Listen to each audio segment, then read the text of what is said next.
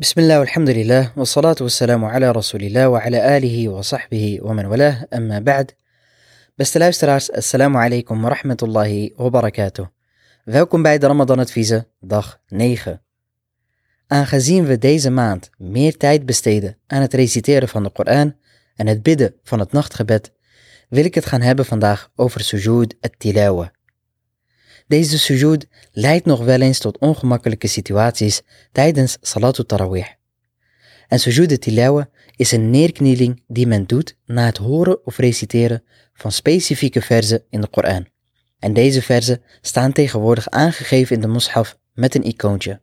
Sujud tilawa is een sunnah, dus een aanbevolen daad voor degene die reciteert en voor degene die naar de recitatie luistert.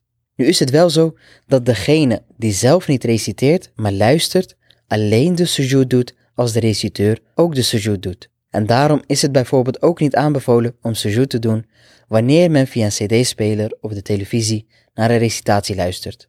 Nu hebben we twee situaties wanneer men sujud tilawa doet. Wanneer we gewoon reciteren uit de mushaf, maar ook wanneer we reciteren tijdens het gebed. Allereerst de situatie wanneer we niet in het gebed staan en gewoon uit de moshaf reciteren.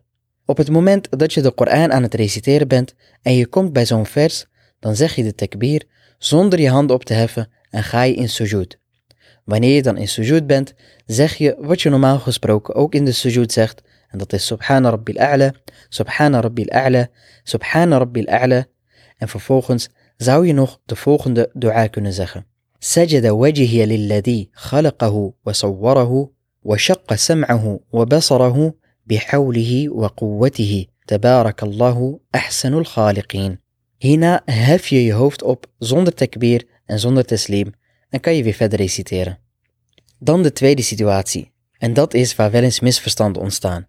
En dat is sujud tilawa tijdens het gebed. Wanneer je tijdens het gebed zo'n ayah passeert, dan zeg je Allahu Akbar en ga je gelijk in sujud en niet in ruku'. Als je dan in sujud bent, zeg je hetzelfde als dat je normaal gesproken in sujud zegt. Dus je zegt weer Subhana Rabbil A'la, Subhana Rabbil A'la, Subhana Rabbil A'la. En ook hier kan je de eerder genoemde dua zeggen. Hierna zeg je wel de takbir en sta je gelijk op en ga je verder met je recitatie. Nu komt het over het algemeen vaker voor dat dit gebeurt terwijl we achter een imam bidden. En wellicht ken je niet alle verzen waar deze sujud het geval is. En dit kan nog wel eens voor miscommunicatie zorgen. Dat de imam in sujud gaat, maar de mensen achter hem denken dat de imam naar de record gaat. Nou, hoe voorkom je dat je verrast wordt door dit moment? Allereerst door goed naar de recitatie te luisteren. Want zo'n sujud volgt na een ayah waar het woord sajada of yesjudu in voorkomt. Ten tweede, kijk naar wat de imam doet. Tijdens het gebed is het niet de bedoeling dat je om je heen gaat kijken en dien je over het algemeen voor je op de grond te kijken, naar de plek waar je sujud gaat doen. Want dat is beter voor je concentratie. Alleen is er niks mis om af en toe naar de imam te kijken om te zien wat hij gaat doen, zodat je hem kan volgen. En dit is misschien nog een extra motivatie om op de eerste rij te bidden. En voor wie niet op de eerste rij bidt, die kan kijken naar de rij voor hem. En zo werd dit ook gedaan door de sahaba radiallahu anhum die achter de profeet baden. Vervolgens zou je je kunnen voorbereiden op het gebed door thuis alvast te lezen wat de imam gaat lezen in het gebed. En het mooiste is nog als je dat kan combineren met begrip. Dus door naar de vertaling te kijken.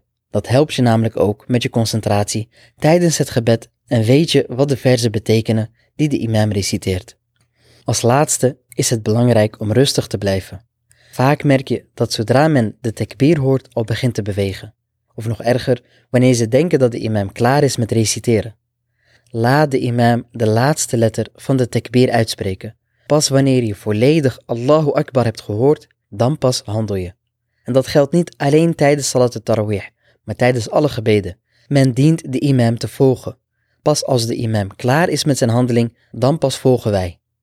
Mogen Allah subhanahu wa ta'ala ons vaste en gebeden accepteren. Wa sallallahu wa sallam wa barak ala nabina Muhammad wa ala alihi wa sahbihi ajma'in. Bedankt voor het luisteren.